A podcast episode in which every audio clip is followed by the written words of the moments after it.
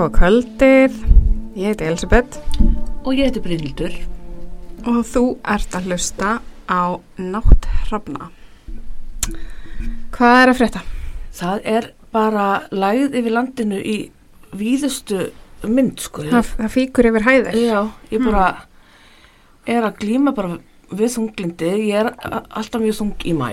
Mm Það er bara, er, er svona mynd í mæ og haustin. Ég vilt heldur ekkert sérstaklega hressa á sumrin. Þetta hljómar sér allt einhverju bjálið þunglindskasti, það er ekki alveg svo. En mæ er yfirleitt svona tími sem ég get stólað á að vera í lagð. -hmm. En ég held að ég bera ábyrða á þessu veðri. Þetta er bara fylgir geðinu mínu. En hvernig væri bara að þú lefðir þunglendum bara að fjúka burt með veðrinu? Og hvað það er góð hugmynd. Og hvað þetta er lélegt ráðsamt? En ég ætla að gera þetta samt. Fara út í garð- fara út í garða eftir huganum og, og bara sjá hvað þetta fer, sko. Ég er samt betri dag, daginn í gær. En ég þakka alltaf fyrir það að þegar ég er svona andlega þung þá er ég ekki mikið að sofa eins og sumir. Já, Ég, já, þannig að þú veist, dagarnir hverfa ekki í ekki neitt mm. en þá var alltaf móti ég svo sem tíma með sjálfur mér í, í vonleysinu en það er bara fylgir þessu. Ég vildi að ég gæti stundum sofið út í eitt en ég hef bara aldrei getað það. Nei, Ekki síðan ég var úlingur. nei, nákvæmlega. Þá gætt maður heldur betur sofið. Mm Fjögur á laugati, það var nokkað tiltökum mál, sko. -hmm. En já, ég bara, ég er enda lagðið mér núna rétt á en ég er bara opin einlega með það, sko. Já, Tók það er smá kríu, sko. Vel gert. Já, það er rosa gott. Já. En hvað er þetta þér? Uh, já, já, bara allt sæmilegt, Já. svona. Já, já. Þannig. Já. Ég var, ég var að byrja að prjóna. Mm Ég hef ekki prjónað lengi, segi ég sem prjónar reyndar hans í vetur. Ullasokka fyrir litabönni njúgrænu. Fór svo reyndar aldrei með ullasokkana á skilastöðina. Já, Þannig ég er með bara nokkuð pör að ullasokkum fyrir tveggjara börn heima. já, emmitt. Geta bara gefið ekki afir eða eitthvað. Já, maður gera. En ég er að prjóna mér húfi núna. Ég vildi að ég geti prjónað. Já, þetta, ég finn mist þetta róandi þegar þá sjaldar sem ég grípi í þetta. Ég er ekki náðu dögulega að prjóna en mér finnst þetta svona gott yfir sjónvarpi. Mm -hmm. En ég hef alveg tekið skeið því ráði fyrir það sem ég bara satt og prjónaði út í eitt. Bara, Mm. en það er ekki lengur. Sko, ég er bara trillast úr pyrringi í hver skipti sem ég þarf að fara eftir einhverju leiðbenningum. Það er bara bilast ég og get ekki meir. já, Ég er bara eins og okkur bann, sko. já, ég Ég, skilja og pínu. ég bara nennus ekki og já, ég vildi óska, ég held nefnilega sko ef ég væri góð í þessu, þá væri ég þessi típa sem væri bara alltaf að prjóna. Já, ég er bara, mér finnst þú vera akkur þessi típa, ég hefði haldið að þú verið svona prjónamaskina. Mm. Ég bara, En að maður dæmi vist ekki hérna bókina kápunni. nei, segðu, ég lít svona út þess að gömul prjón, prjónakelling. Já, ég var alveg sannfærðum að þú værir í svona prísirum pilsum alltaf Já. að prjóna bara. Já, með prjóna Í vel. kirkjukór og Já, kirkjukor. flott hérna staðlímynd. Einhvern tíma þegar ég var með sem mesta prjóna dillu þegar nýbyrja að prjóna. Uh, verandi einhver, þá fæ ég svona hýperfókus á hlutina. Mm. og fylgir svo sem að ég hátíðinu líka og langaði mér svo brjálæðislega að kaupa mér prjónavél Mm. ég hefði al, bara nýbyrja að prjóna bara prjóna eitthvað vettlíka það langaði mér svo í prjónavél og bara fara að framleiða eins og ég veit ekki hvað sko en ég let nú aldrei verða því. Nei, ég, frænka mín á átti prjónavel og hún hefur nú gert því líka listaverkin með þeirri vel, sko. já, já, já, amma átti magna prjónavél. dæmi, sko. þetta myndi alltaf svona á orgel eitthvað þegar var alast upp. Alltaf sagt að vera í hljómsveit og spila prjónavél Örglega, það Já. koma örglega einhver geggju uh, uh, svona nýstarlega hljóð. já, Það er alveg örglega að gera flottar átalist. Já, að sándinu. Já, þetta er bara hugmynd fyrir eitthvað að nóti sem að að lúra á prjónavél og veit ekki hvað það er að gera við hana. Nákvæmlega. En nú ætlum ég að spyrja hefur þú heyrt um radín stúlkunar? Eða radium, eða radium girls? Uh, ég hef bara einu sinni heyrt örlítið en ég veit ekki nógu mikið um þessar eh, stúlkur, nei. Nei, þetta er rosalega saga Ok. og ég ætla að fara í seimana á henni. Hér, hér og nú. Það skulum við bara byrja. Og við ætlum að byrja að kafa svolítið í söguna. því að þetta er náttúrulega bara það eru bara nördar sem eru með þetta hlaðvarp og þau verður bara sett í það en uh, frumefnið radín var uppgötað árið 19, 1898 af henni stórkuslegu vísindakonu Marie Curie og manninum hennar Pierre. Reyndar er það eiginlega Marie sem uppgötaði það. Með örlítilli aðstóð Pierre.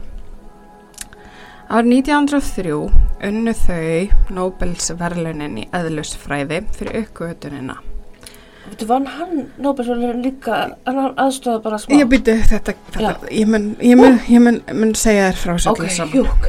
Á þeim tíma þótti efnið töfurum líkast. Það glóði í myrkri og Mari talaði oft um hið fallega ratín. Það sem fólk vissi hins vegar ekki þá er hversu hættulegt efni var. Mari var hugfangin að efninu og af því að þetta er bara mjög áhugavers allt saman mjög áhugavert að þá ætla ég bara að kafa inn í hennar líf. En hún sem sagt var fyrst kvenna til að vinna Nobelsvölunin fyrsti einstaklingurinn til að vinna Nobelsvölunin tvísvar og fyrst til að vinna verlunin í tveimur ólíkum flokkum. Vel gert. því lík kona sko Hún útskrifaðist úr mentaskóla með hæstu engun en mátti ekki fara í háskóla í Pólandi, hún er fætt í Pólandi, vegna þess að hún var kona. Hún og sýstrinnar dói sem betur fer ekki ráðlausar og fóru í svo kallaðan fljótandi háskóla í Varsjá. Háskólinn breyti stöðugt um staðsetningar á kjanslunni til að forðast yfirvöld. Sýstir hennar Bronja fór svo til Parísar í læknisfræði. Það gerði með sér samning. Marí myndi styrkja Bronju fjáraslega í námi hennar þar til Bronja geti svo styrt, styrt Marí þegar hún kemur til Fraklands. Á meðan vann Marí í mistörf. Hún var ráðskona, kennari og í frítíma sínum lærði hún. Þegar hún var 24 ára komst hún loksins til Parísar og hóf nám við Sorbonne háskóla þar sem hún lærði eðlisfræði og starfræði. Í París legði hún litla og upphitaða kéturu og eitti því öllum sínum tíma sem hún gat á upphituðu bókasafni til þess að vera ekki kallt. Hún vannvist svo mikið að hún glemd að borða þar til það leið yfir hana. Hanna þyrsti svo mikið í þekkinguna.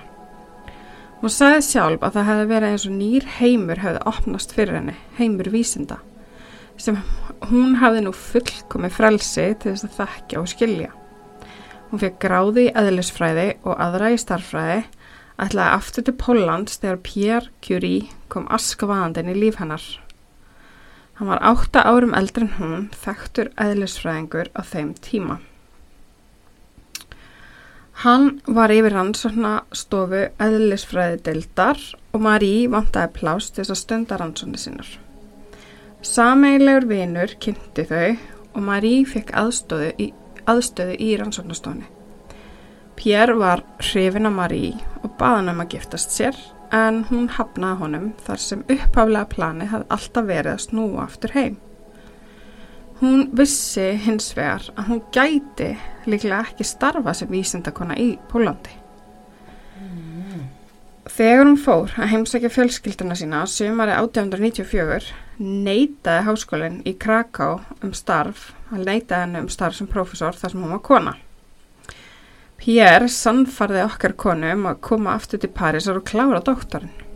Hún sannfarði hann um að gera slíkti sama sem hann gerði. Hann sérhæði sig í segulfræði og árið 1895 giftu þau sig. 1903 fekk Marís og doktor skráðu fyrir rannsóknir sínar á geyslavirkni. Hún byggði á rannsóknum Becquerel um úraníum og sá að það voru mun geyslavirkara efni eins og pólón og ratín. Þá hafði Pierre orðið svo áháðsamur um rannsóknir konu sinnar að hann droppaði öllu til aðstóða hana við þær. Árið 1903 lögðu franskir vísindamenn til að aðeins Pierre og Becquerel fengju Nóbersvelunin en ekki Mari. Nei, hei. Svo frigging umulegt og óþólandi og ergjandi En sænskur starffræðingur að nafni Gösta Mitake Leffler, afsaki, ég get ekki gert betur en þetta, var í nefnd Nobels Akademíunar og vildi ekki neitt slíkt bull. Og úrvarð að okkar kona var fyrst til að vinna Nobel. Þeir voru of upptekinn til að mæta á staðin og taka verðlunum og ég elska það sko. Já. Og Pierre var þarna á þessum tíma orðin veikur. Hann þjáðist af orkuleysi og verkjum og þau hefði enga hugmynd þarna að það var gistlunin sem var að hafa svona slæm áhrif Ok. að hilsu þeirra. Hennar líka, já. Sagt var til dæmis að Mari gengi um með tilraunuglas fullt á ratíni í vasanum. Hún var hugfangin af því og kallaði það daufa álvaljósi sitt. Hann vandi enga hugmyndum að það var hægt og bítandi að draga hana til dauða. Ah. Glóandi efnið olli líka mikill hrifningu almennings. Efnið var líkil þáttur í krabbamins meðferðum og var sett í ymsar vörur eins og tannkrem og átti með því að styrkja tennurnar og í andletskrem sem átti að styrkja vöðva og slétta úr rökkum. Efnið var svo vinsælt að árið 1920 kostaði 1 gram af ratinu um 14 miljónir íslenskra króna sem í dag væru meira en 140 miljónir. Vá.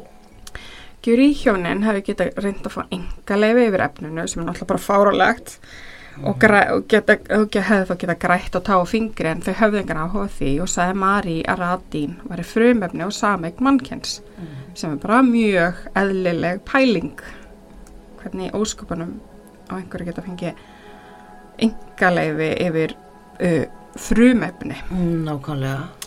Árið 1906, tveimur árum eftir að setni dóttir hjónana fættist, varð Pierre fyrir hestvagni og dó samstundis. Þá var Marie búðin staða Pierre við Sorbonne háskólan í stað þess að þykja ekki bætur.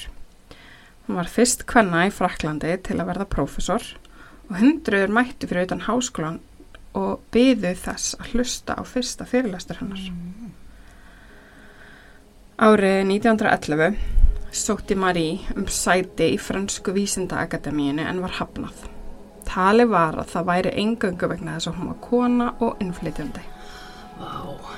Þrátt fyrir að vera hundsuð að þessari grautfúlu akademíu fórum bara og gerði eitthvað enn stórkastlegara og það var að vinna önnur Nobelsförlunin sín. Það var hins vegar mikið slúðra um hana. Hún hvert þess að sækja ekki verlunin uh, því hún ætti ástasambandi við, því tali var hún ætti ástasambandi við fyrrum nefnda Pierre, einhvern Pól Langevin, hann, hann var giftur en í fjárbúð með konu sinni og hún ásökuð um að vera hjónadjöfull. Öll hennar saga er bara svona, bara djöfull sökkaði að vera kona á þessum tíma. Já, vá, pant ekki hafa verið kona á þessum tíma. Æ, bara nógu mikið vesen í dag, sko. Mm Mari varð virkilega þunglind, skiljanlega, gerðsannlega óþólandi hvern fjandsamlegt andrúslátt að búa við og aldrei hefði karlmaður verið krafin um að sleppa því að sækja velunin ef sá hafi átt í ástarsambandi við gifta konu. Hvemlega. Það var hins vegar Albert Einstein sem dró Marie upp úr þunglindinu. Hann skrifaði henni bref þar sem hann lísti yfir hreinni aðdáun á hennar afreikum og þekkingu. Þá sagði hann henni að sleppa því að lesa þetta bull sem hann skrifaði í blöðunum og hún virtist hafa farið hans ráðum því hún fóti Stokkóls og tók við velununum. Hana. Og Albert segur þetta. Berti kallir. Verstan er ekki uppi núna, hann getur kannski dreigið mig upp á þessu Já. Ha? Hvernig væri það? Já. Get, reyn, reynum á channelónum Já, bara. fara á miðilsfund. Hvernig bref myndi Albert skrifa til hinn? Já, ég heyrðu, þetta verður verkefni kvöldsins. Mm. Hún var fulli að setja upp stóra rannsóknastofu í geslafræðum þegar fyrri heimstyröldin brýst út. Ok, þú veist, hún er alltaf bara að reyna að gera eitthvað magnað Já, og svo er alltaf einhverju kallar að reyna að skemma fyrir henni. já. Óþólandi. Óþólandi. Þýskir hermenn nálgauðist París og hún tók allt ratinið sem hún átti og læsti það inni í bankakvölungu í Bordeaux. Hún reyndi líka að selja Nobelsverlunin en þau voru úr gulli. Hún vildi með því aðstóða bástata í stríðinu. Bankin hins vegar neitaði að taka við þeim. Hún var staðráðan í að aðstóða vildi að rannsóknir hennar færu í að bjarga lífum franskar hermana. Hún hafiði áður kynnt sér rannsóknir Vilhelms Röngens sem uppgötaði einmitt röngengesla. Mm. Hún keifti rönginvélar og fór með á átakasvæðin í faratækjum sem voru kölluð uh, litlu curís eða petit curís. En hún hannaði þessi faratæki. Ég er að segja að þessi Vá. kona er mögnu. Ég var aldrei heyrt þetta fyrir en ég fór að kenna verða. Já, vá. Þannig var hægt að aðstofa skurlækna við að sjá hvað þurfti að fjallega byssukúlur og sprengjubrót úr líkumum hermana.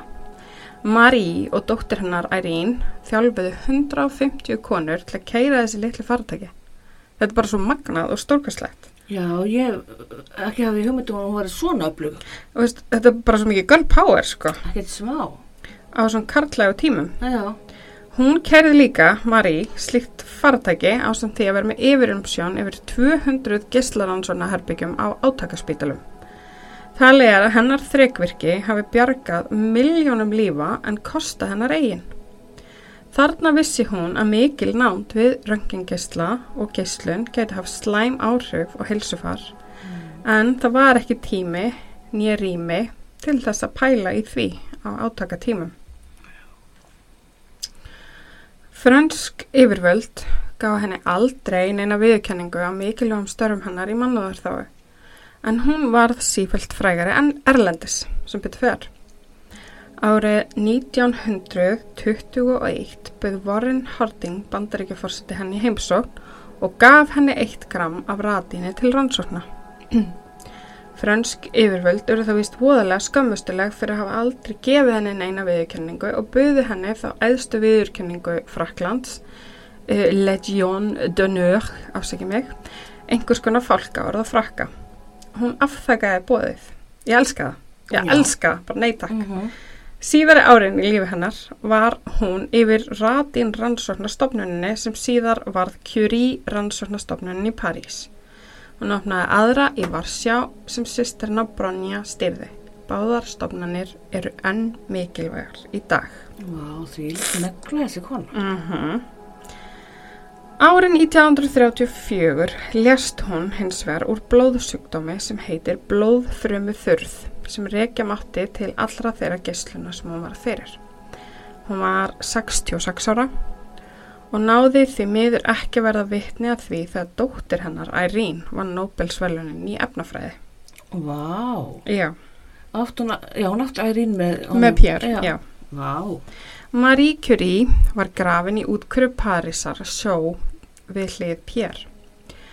Árið 1995 voru grafir þeirra hins vegar báðar færðar í Pantheon bygginguna í París. En þar eru mörg mikilmenni Fraklands grafin eins og Victor Hugo, Rousseau og Voltaire.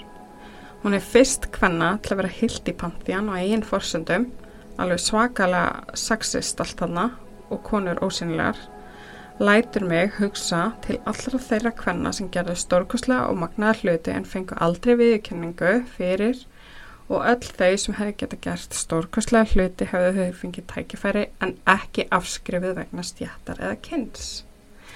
Og líka allar þær konur sem gerðu stórkoslega hluti en karlmenn tóku heiðurinn af. Já, Það nákvæmlega. eru endalust dæmi Já. um það.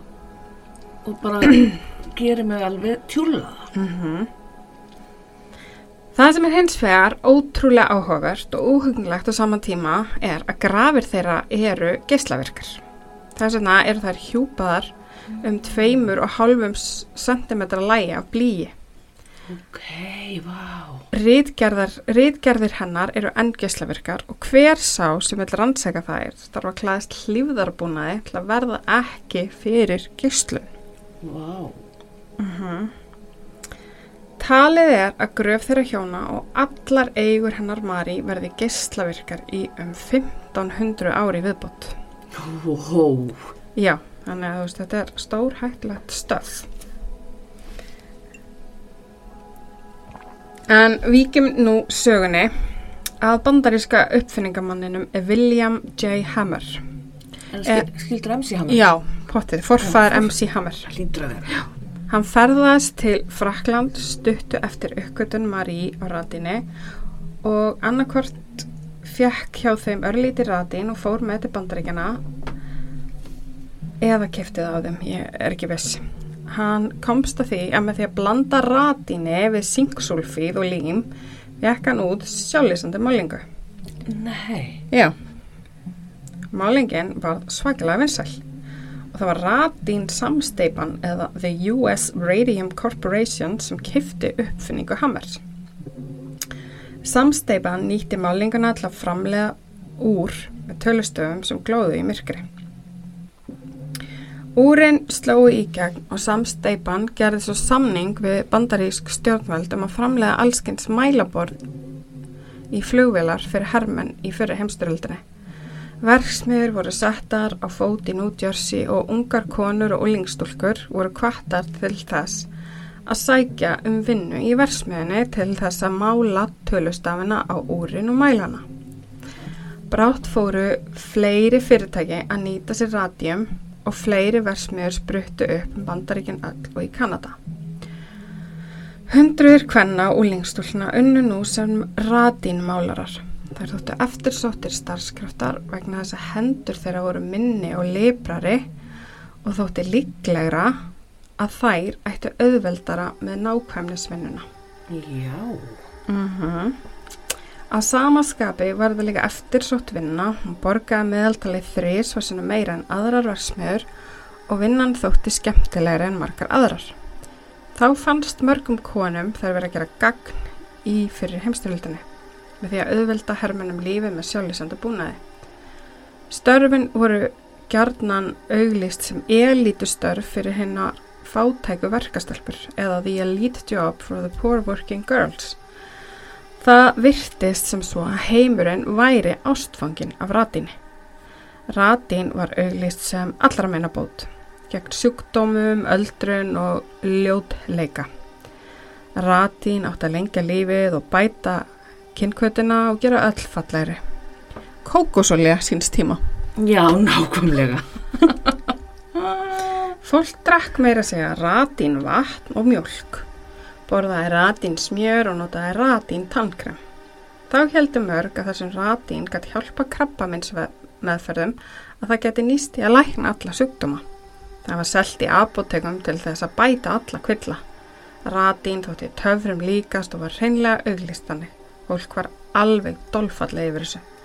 Að sjálfsögðu hafði bandaríska ratín samsteipan mikinn hag af því að fólk triði öllu góðu um ratín og átti stórn þátt í jákværi umfjöllun og auðlýsingum frumefnisins. Samsteipan hundsaði hins vegar algjörlega alla niðurstöður ef gáti kynna að efni gæti á einhvern hátt verið hættilegt. Verstjórar sögðu stúlkunum sem unni í versmiðinni að radínið myndi gefa þeim róða í kynnar og gera þær ennsætari. Svo dásamlegt. Vá. Ég, hmm, Við erum mista að skemmtilegu tímabili. næ, guð. Nótt. Það sem er alveg hryllilegt að hugsa til er að tölustafinir sem þar máluðu voru svo smágerðir að þær notuðu pingu litla pensla til að mála þá og bleittu alltaf odd pensilsins í munninum til að gera hann skarpari. Þessi tekni fekk sitt eigið heiti The Lip Dip eða varadýfingin. Þær máluðu jafnvel allt að 200 úr á dag, alltaf að sleikja ratín allan daginn. Vá. Þetta verður nýja móðgunum mín. Sleiktu ratín fýblið. uh, Mike Coverley sem mann í New Jersey versmiðinni sagði að hún og stöllurinnar hefðu spurt hvort þetta getur mögulega skada þær á einhvern hátt en því var staðfastlega neitað og þeim sagt að versmiðan myndi aldrei vilja láta þær setja eitthvað í munnin sem væri hættulegt. Þær þurftu ekkert að óttast. Stúlkurnar og konurnar sem unni í versmiðinu fengu heitið draugastúlkurnar þar sem sem eftir vaktirnar í versmiðinu glóðu þær í myrkri. Vá. Margar þeirra fóru í fallegustu kjólunum sínum í vinnuna til þess að gefa þeim ljóman af ratinni. Þær máluðu jafnvel ratin á fötin sín, neglurnar og tennurnar. Vá. Dóttir minn er að fara á ásatri í kvöld þar sem er glóðanir dark þema. Já, er hún ekki bara búin að útvega sér ratin? Ég, ég, ég ætla að fá að skjótast og klára vera þátt bara. Ég ætla að vetta þessu. Já, já, betur nú við. Hárið á þeim, andlitið, hendurnar, handlegir, hálsar þeirra, fötin, nærfötin, korselettin þeirra glóðu. Vá. Jafnvel fótleggir þeirra og aðri líkamspartar sem voru ekki endilega í beinni snertingu við rættinu. Við vitum það bara eftir COVID, skiljur við, maður snertir á sér puttana og svo klóra maður sér í, í löpunum eða veist, eitthvað. akkurat. Þær glóðu eins og einhverjar undraverur á leiðinu heim úr vinnunni og hafði því miður alls enga hugmynd um að hilsu þeirra fór hrakandi. Þær viss heldur ekki að fólk hafi þá þegar látist úr ratineitrun, löngu áður en versmiðunar voru opnaðar. Mart vísenda fólk var líka mjög meðvitað um hættunar sem fylgdi efninu en ratin samstefan held í fram að ávinningurinn á efninu væri meira en hættan. Það sem gerir mér brjálaða er að þessar versmiður letu yfirmenn versmiðana, karlkenn starfsmenn og rannsóknateimi fór tangir, svundur og annan hliðabúnar. Nei. En stelpunar átt að stinga sér munina Já. Vá, djöfulsins. Mm Í bókinni Radium Girls eftir Kate Moore kemur fram að versmiðu framleiðendur fjármögnuður rannsóknir sem stuttu þessar staðhefingar um skadaleysi en hundsuðu sjálfstæða rannsóknir sem sönnuði hið öfuga. Kvenkinn starfsfólk versmiðana byrja að uppla hræðileg sjúkdómsenginni. Um miðjan þriðja áratug síðust aldar urðu þær sífilt fleiri og fleiri. Ratinið byrja að geta upp bein þeirra. Eins og fyrsta sem upplifið slæm enginni að ratinni var Amelia Molly Maggia. Það byrjaði allt með tannpínu. Hún fótti læknis og lit fjarlæga tönnina. Stuttu eftir fekk hún verki aðra tönn og var hún einni fjarlæg sem leiti til sára í gómi sem greru ekki heldur fylltust að greftri. Sárin tóku yfir munn og tannhold am Amelia. Hún fór að kenna sér með eins og fleiri stöðum líkamann sem leitið til þess að hún hætti að geta lappað. Læknirinn senda hana bara í burtu með aspirinn. Mm. Æðislegur alveg. Æði. Æði. Fæði göngutúr. Emmett. Einhverjum vikum setna voru gómur hennar, kjálki og eyrnabein ein ígerð. Vá. Það er rosaleg mynda henni sem ég set hérna með þessum þætti. Þá fer tannlæknir eitthvað að krukki henni að eiga við síkinguna en allt kjálkabeinu brotna bara. Hann neytist til að fjallaði kjálkabeinu en til þess þurft hann enga flókna aðgerð heldur aðeins að stinga fingrum sínum upp í hann á sækja beinið. Þetta var allt í raun laust og munnur hennar eitt opið sár. Ó, þetta er Þetta ríkar. er svo hræðilegt sko, þetta er bara svo hræðilegt. Hinn hluti kjálkabeinsins var, var svo fjarlæður nokkrum dögum síðar. Fjórum mannum síðar, 12. september 1922, deyr hún svo 24 ára gömul þar sem henni blætti út. Á þessum tíma hafði enginn tengt dauða Amelíu við ratin og starf hennar í versmiðinni. Læknar sögðu að veikendi hennar væri vegna sífélis og síðar var það svo nota gegn henni í málaferlum. Um við vitum ekki hvað þetta er, þetta er örgulega bara sífélis Já, nákvæmlega. og svo mikið druslu skam líka på þetta sko. Já, hún er ákvæmlega. Ó, Árið 1927 hefðu svo meira en 50 konur dáið vegna ratín eitrunar á hræðilegan hátt. Bein þeirra brotnuði og mænur fjallu saman, þær mistu tennur og þetta var bara einn allsherjar hryllingur, bara því líka örlög. Sumar fengu stærðar en að bandauksæksli sem uksu hér og þar líkum þeirra og þær glóðu líka innan. Þrátt fyrir dauða versmiðu kvennana harðneituðu eigendur þeirra, eigendur versmiðana þar að segja, það væri einhver tengsl á milli dauða þeirra og vinnuna sem það stunduðu. Þetta var áleiti vera slúður og tveimur árum síðar fór eftirspurnin eftir ratin vörum loksins minkandi.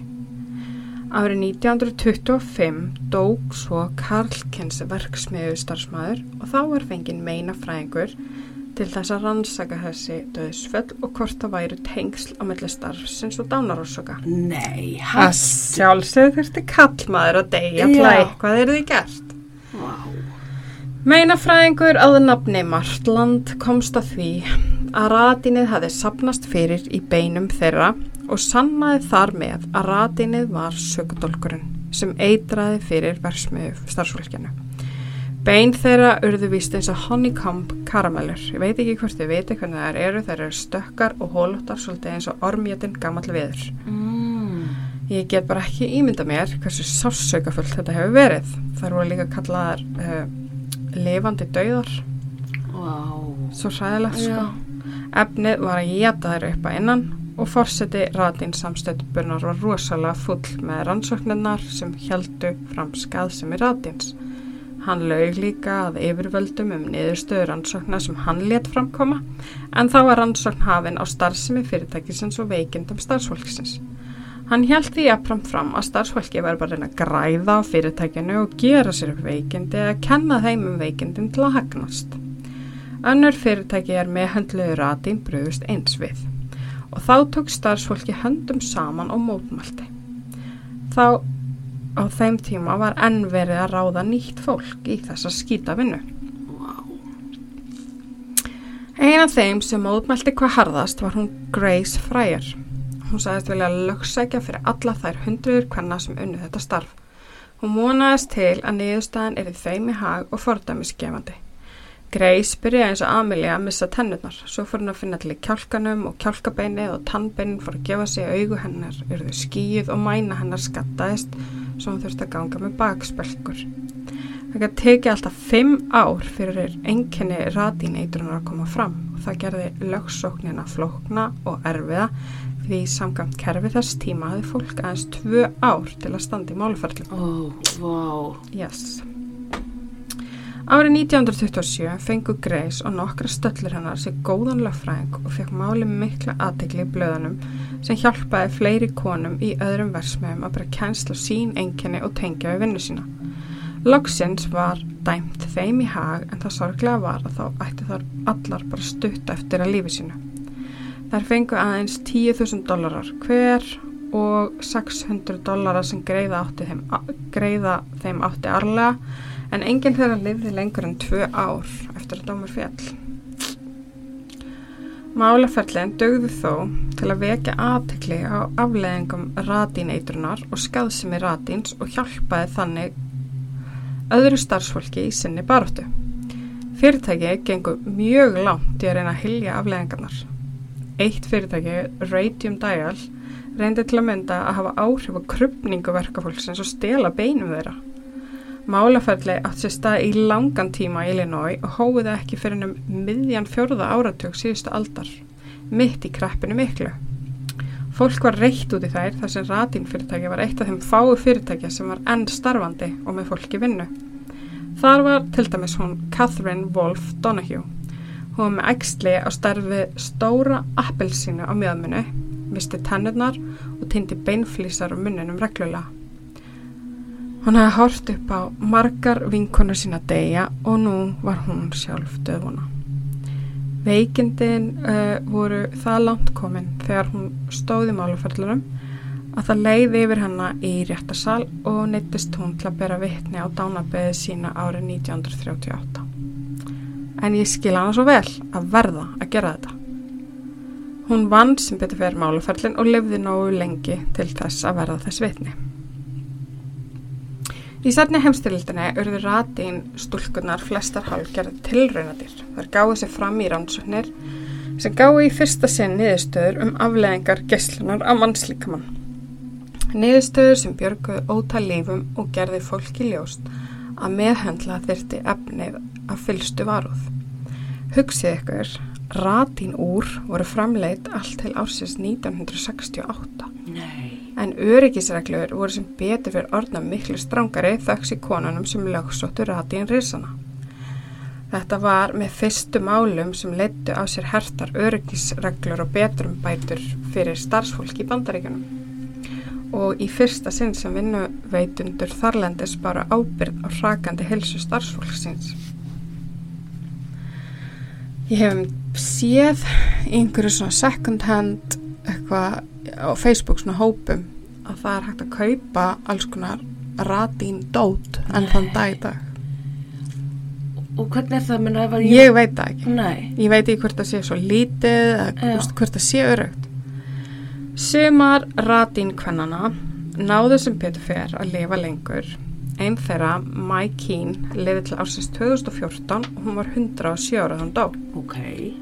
Hún sagði frá að henni hefði alltaf þátt ógeðslegt bragða radíninu svo hún setti það ekki munnin á sér meðan hún vann.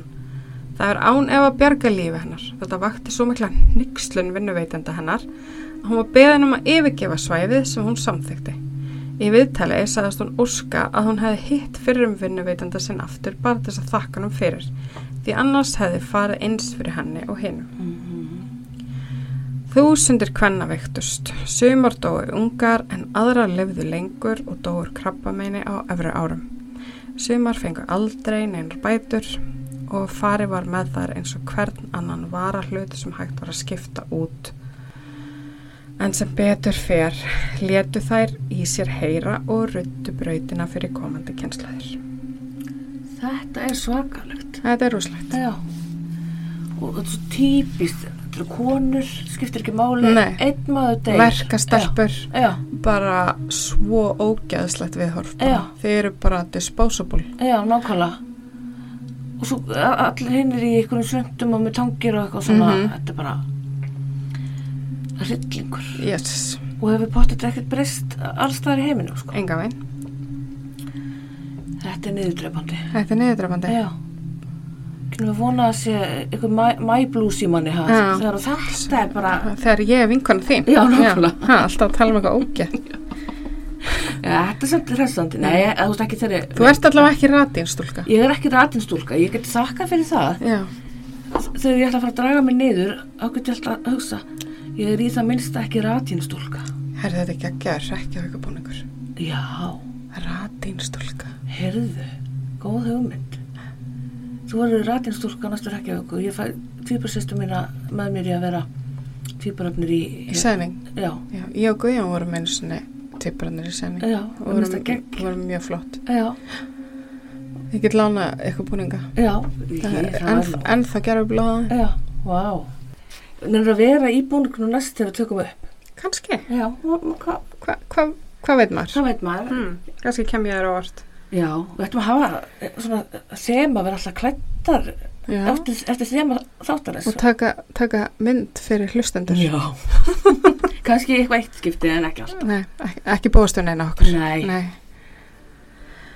En jæja, þá bara bjóðu ykkur góða nótt og minnum ykkur á að sleikja aldrei ratín. Nei, láta það helst vera og bara Já, glow in the dark people. God natt. God natt.